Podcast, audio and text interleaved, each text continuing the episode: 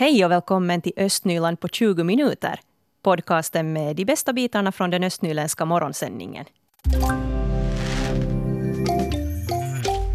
Skolorna i Borgo får inte längre ordna program som familjerna själva måste betala för. Och det här gäller då skolor också på övriga ställen. Om pengar samlas in så måste medlen nämligen användas till alla elevers godo.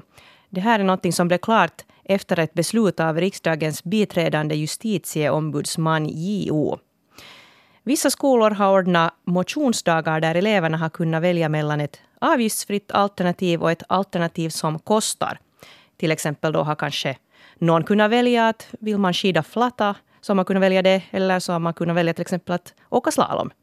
Och enligt JO så får skolorna ändå inte skapa större ojämlikhet mellan eleverna. Så därför ska nu Utbildningsstyrelsen uppdatera sina direktiv åt skolorna. Och vår reporter Fredrika Sundén hon besökte Kvarnbackens skola i Borgå som är en av de skolor som påverkas av JOs linje.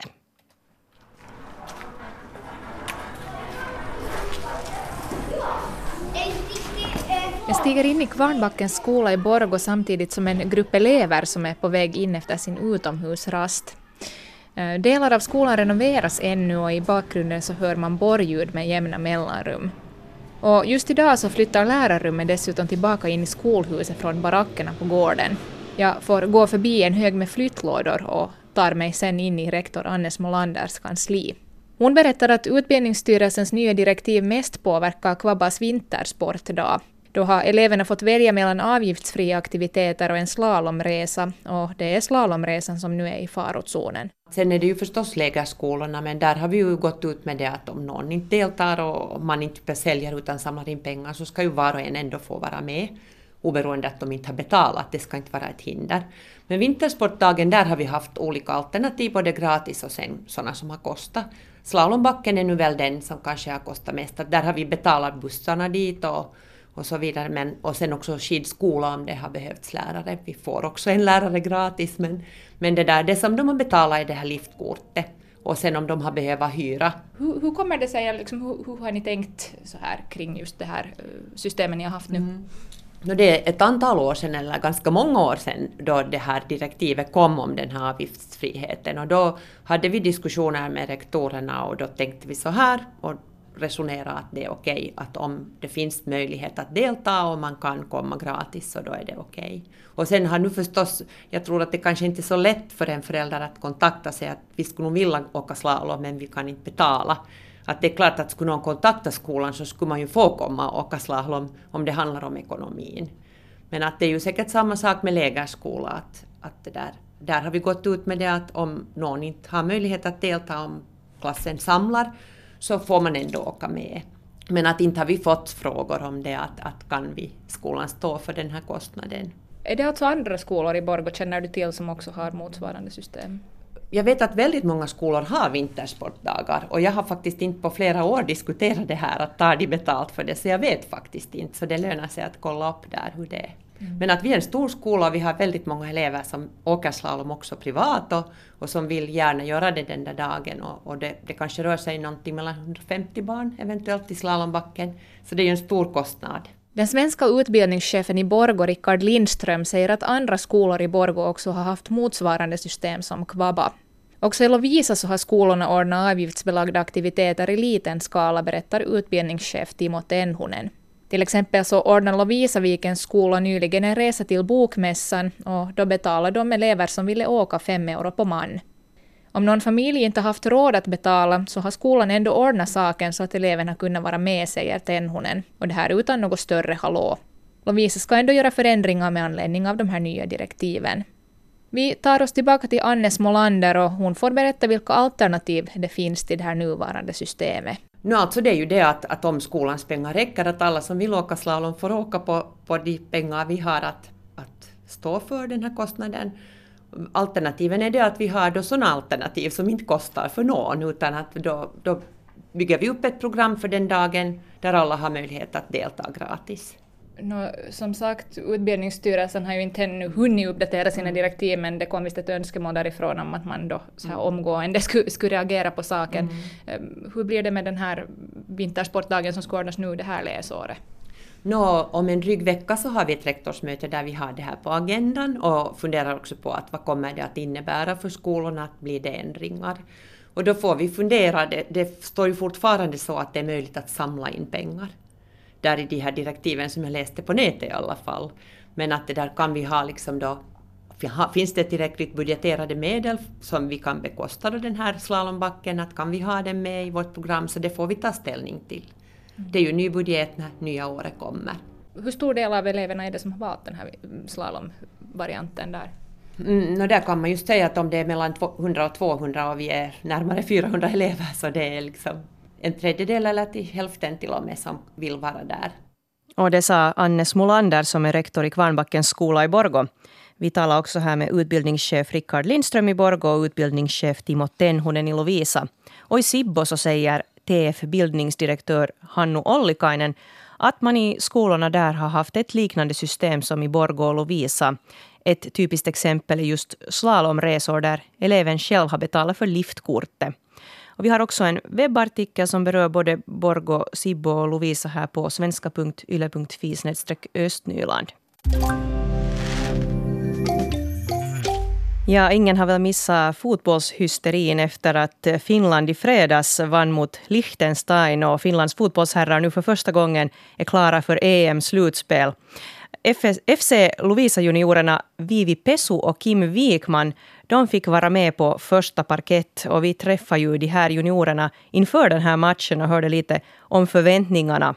Det var nämligen så att Vivi Pesu och Kim Wikman med andra spelare där från Lovisa fick leda ut de här herrarna på planen innan matchen. Och vår reporter Mira Bäck hon ringde upp Vivi Pesu och frågade henne hur det riktigt kändes att gå ut på planen framför filmkameror och en massa publik. Spännande. Hur var de här spelarna när ni fick träffa dem? Nå, jätteroligt. Har ni talat mycket med dem på förväg? Nej. Övade ni mycket innan den här matchen, att hur man skulle göra där då, vart man skulle gå? och sånt här? Ja, två gånger. Och det gick bra? Ja. Vad kommer du ihåg bäst från den här hela kvällen? Att Finland gjorde mål. Och vi ska höra Kim Wikman berätta om hur det var att få leda ut fotbollsstjärnorna på planen inför den avgörande matchen. Det var nog ganska roligt och spännande nog. Har du någon... Har jag nog väntat. Att du har väntat länge på det? Ja. Jag hörde att du ledde ut Tim Sparv på, på plan. Ja. Hur var det? No, det där, no, helt roligt ändå. Nå, sedan när ni hade lett spelarna ut på planen och, och matchen började, vad var det mest spännande under hela matchen? No, att titta på den och, och Finland vann och det var nog bara, jag bara såg det och att leda ut spelaren. Det var nog så roligt bara. Mm. Att det här kommer du aldrig att glömma? Nej, aldrig. Hade du någon sån där helt favoritgrej, vet du, första målet eller något sånt här som du kommer särskilt mycket ihåg? Nå, jo, det där andra målet var nog sådär. Varför det? det? Straffen ska vara få dit till kanten, så det är alltid i kanten som man ska skjuta. Hur gick det sedan när, när Finland vann? Hur reagerade du på det? Det var nog roligt att se sen, sen matchen slut och så började det komma raket. Och sen, sen såg jag nog att det var nog tusen människor som var där nere på plan. Jag har aldrig sett sånt där tusen människor på plan efter någon har vunnit. ja, man ska väl egentligen inte ens få gå ut dit på plan? Nej. Nå, ropade ni något hurra då när, när, när det blev klart att nu har Finland vunnit? Jo. Hur lät det? Hurra! Nåja, det var fint. Kim Wikman hörde vi här och före honom Vivi Pesu.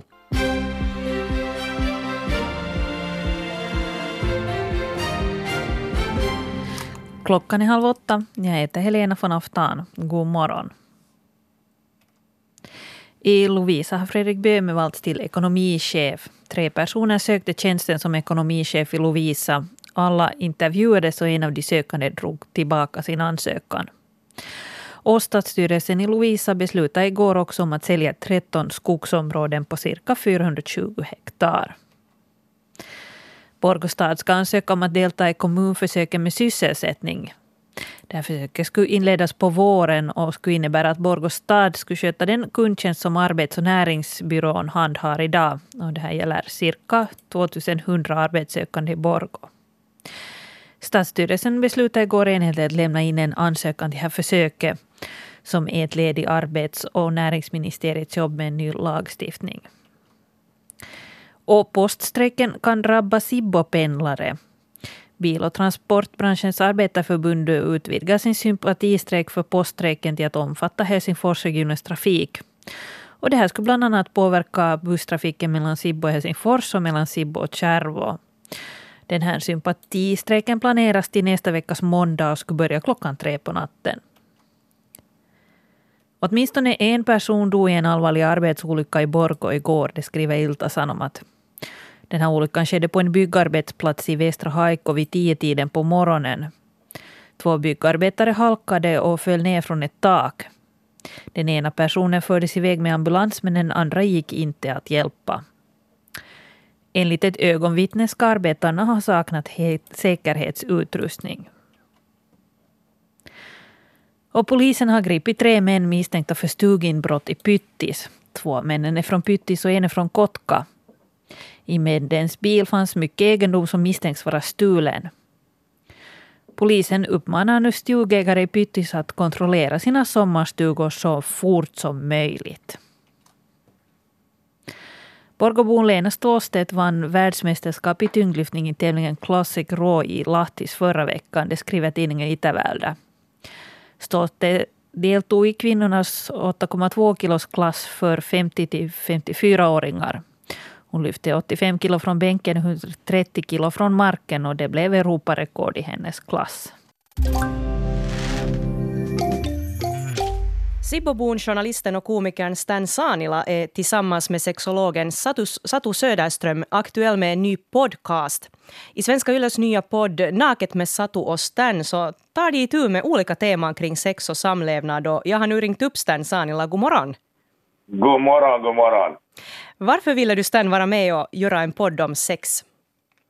Därför att jag tycker det är spännande. Jag tycker det är spännande och, och trevligt och intressant och, och, och jag, är sån jag är nyfiken. Jag, jag, liksom, jag känner många människor som, som har att göra med eh, sex på ett eller annat sätt och, och människor som, som det där, eh, har funderat på det, reflekterat på det och, och, och är redo att prata om det. Då tyckte jag att att jag pratade faktiskt med Sato om att, eller det var hon som föreslog att vi borde göra något, något, något påhitt tillsammans och, och det där och så kombinerar vi våra kunskaper. Jag har liksom bakgrund som journalist och TV-apa och så där och hon, hon är sexolog och, och, och liksom kunnig på det där. Så jag står för nyfikenheten och hon står för kunskapen.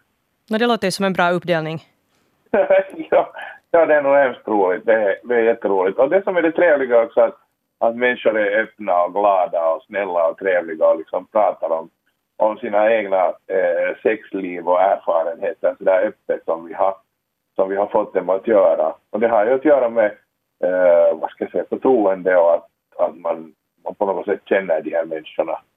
Att det, där. det är jättekul på det sättet att att den som tycker nu lyssnar här på, Snällan tänker att oj, sex och sådana snuskigheter, så man måste ju inte alls lyssna på det, det kommer ju inte alls i radio. Utan det är ju uttryckligen en poddsändning, så det är det sånt som man lyssnar på om man vill. Precis, man kan undvika det om man, man är rädd för sånt här innehåll. Ja, ja, inte behöver man inte vara rädd för det, utan ibland är det så att var sak har sin plats, heter det. det att kanske det inte är lämpligt när man klockan är halv ett på eftermiddagen och, och det där, och man sitter och äter en portion fil och, och det där, lyssnar på radio så kanske man säger nej, inte nu. Men sen plötsligt när, när det där det är kväll och man har krupit i kojs så tänker man nu ska jag lyssna på något trevligt. Och då kommer man ihåg, aha, naket med Sato och Stanley, det kunde vara tillräckligt bra. Nu hör du, hur öppna är vi här i Östnyland när det gäller att tala om sex? Nu ska jag säga det, äh, det, här, um, det finns ju nu en sån där, vad ska jag säga, en sån där östnyländsk skola av, av författare. Det har ju kommit här nu den där äh, Mikael Crawfords senaste roman och, och det där Sabina Forsblom har skrivit och det där. Och det finns, det finns ganska mycket sådana i, i de här litterära skildringarna äh, från, från det där Östnöland. Nu kommer jag inte ihåg vad hon den här författaren heter men det finns en sån där lite, vad ska jag säga, ett litet uppvaknande i Östnyland när det gäller sexualitet. Så det betyder att snart blir det fler östnylänningar. vad, vad hoppas du då att östnylänningarna ska få ut här av er podcast? Men jag skulle vilja att, att vi ska få ut av det är att visa på att den sexuella eh, bredden inom sexualitet är mycket större än man tror. Det vill man kan, man kan eh, höra på de här avsnitten, det kommer ett i veckan. Man kan höra på de här avsnitten och tänka att tänk vad mycket det finns. Och kanske bli inspirerad till något eget eller, eller åtminstone märka att, att, hej, att andra människor gör saker som, som de blir glada av, att jag kan kanske göra saker som jag blir glad av. Att det, det handlar inte alls om att uppmuntra människor att, att leva på ett visst sätt. Att, att om alla är nöjda med hur de lever nu så passar det bra. Men, men att visa bara på att, att det finns en mycket större bredd än man själv skulle tro. Hur mycket kommer du, Stan Sanila, att dela med dig av egna erfarenheter här i podcasten? Ja, det måste man lyssna på podden för att få veta. Bra svar. Det där första avsnittet så handlar då om öppna förhållanden och BDSM, alltså då att man binder upp sin partner till exempel. Och ni pratar ju på där i avslappnad stil, stil och hade bra filis. Är, är det ett problem ja. det här att, man, att det ibland blir lite stelt just när man ska tala om, om sex? No, det är just det att, att var sak har sin plats, det vill säga som jag sa tidigare att, att det finns sammanhang man kan prata om sex och sen finns det sammanhang man inte kan prata om sex. Men det gäller ju vilket samtalsämne som helst att, att det är lämpligt att prata om och mormors lingonsyltrecept vid ett tillfälle och hemskt olämpligt vid ett annat tillfälle. Att, att samma sak med sex, att, att det passar in i vissa diskussioner och i andra passar det inte alls. Men, men eh, sex är ett sånt ämne som folk gärna håller för sig själva. Eller sen med sina väninnor eller kompisar eller någonting sånt som de förmår vara öppna. Och, det där. och här har vi nu fått, fått äh, människor att vara öppna med oss inför öppen mikrofon och det är vi jätteglada åt. Sexualitet handlar om en, en kraft som, som jag tycker att, att, att det är viktigt att den är ljus och, och glad och inte liksom destruktiv och att den är en, en, en, en liksom stor säck med, med sorg som man släpar med sig. Att ja, alltså den här sexualitet har nu jag. Mm, det får något fanders. Utan att det, här, att, att, att det kan vara ljust och trevligt och att man kan vara nöjd med att hej, sån här är jag. Det är ju en fin sak. Det låter jättebra. Tusen tack ja. för kommentarerna och lycka till här med fortsättningen.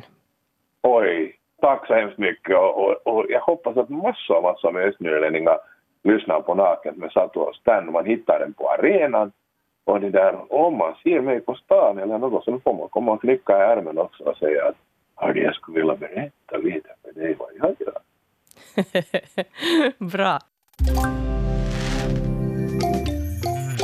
Fredrika Sundén är morgonreporter idag. God morgon. God morgon, god morgon. Hörde, igår så kunde vi läsa om att Kristoffer Hellfors som är kommunstyrelseordförande i Lappträsk och SFP kommer att lämna kommunen. Han ska bli Sibbobo. Han ska bli Sibbobo i Joi. Och det där, eh, orsaken då att han flyttar till Sibbo är att hans fru bor där sedan tidigare och de, ska nu, eller de har skaffat ett eget gemensamt hem där, där i Sibbo. Och samtidigt betyder det här att Eh, han inte längre är valbar i Lappträsk och då måste han lämna sina politikposter där. Så att eh, det här betyder då i längden att eh, Lappträsk måste se sig om efter en ny kommunstyrelseordförande bland annat där. Antagligen då någon från SFP om man inte då ändrar, ändrar lite överenskommelserna där, men att man brukar ofta göra upp mellan partierna att vilka, vilka partier som tar vilka poster och det är nu SFP som har suttit på den här posten nu den här perioden. Men att vid årsskiftet då så lämnar han sina förtroendeuppdrag uppdrag och som det ser ut nu så väljs den här nya styrelseordförande i januari. Östnyland på 20 minuter är en Svenska Yle-podcast. Det finns flera poddar på arenan. Jag heter Katarina Lind. Tack så mycket för sällskapet. Vi hörs.